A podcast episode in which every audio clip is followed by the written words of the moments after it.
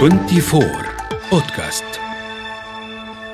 مريب مع دعاء ضياء الدين.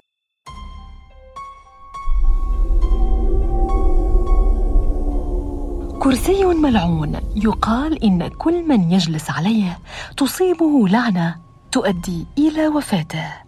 قصة مريبة بلا تفسير منذ أربعة قرون وحتى يومنا هذا.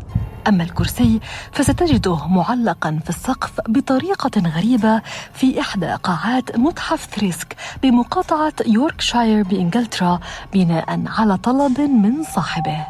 فما قصته؟ أهلا بكم في الحلقة السادسة من بودكاست مريب.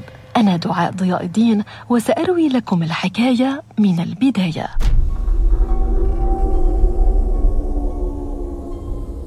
بدأت قصة كرسي بازبي الملعون في أواخر القرن السابع عشر حين انتقل لص يدعى دانيال أوتي إلى بلدة كيربي ويسك بمقاطعة يوركشاير في إنجلترا.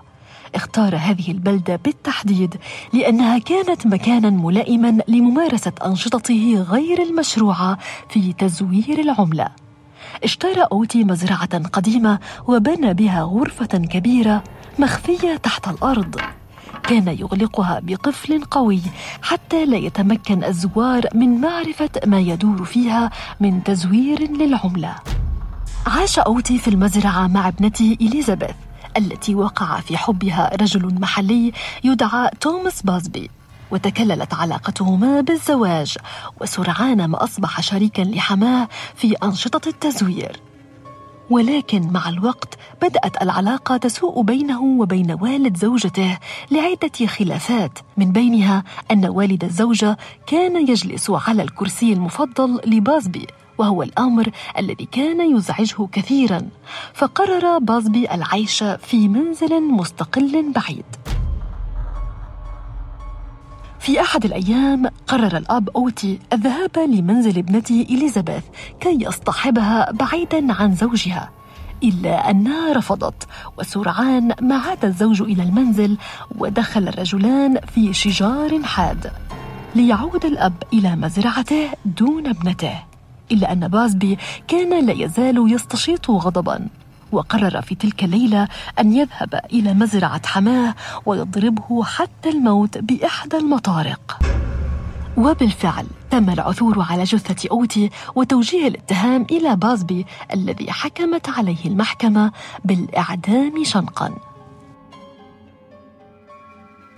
في يونيو عام 1702 تم تنفيذ الحكم ويقال إنه أثناء التنفيذ قام بازبي بتحذير الجميع من الجلوس على كرسيه المفضل ومن يخالف ذلك سوف تنتهي حياته بالموت لأنه قام بوضع لعنة عليه.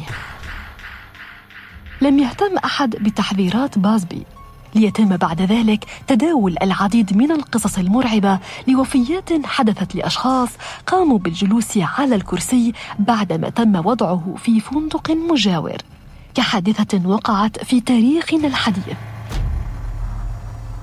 فبعد انتهاء الحرب العالمية الثانية توفي شاب بعد جلوسه على كرسي باز بالملعون بسبب دخوله في رهان مع أصدقائه حول عما إذا كانت لديه الجرأة على الجلوس عليه.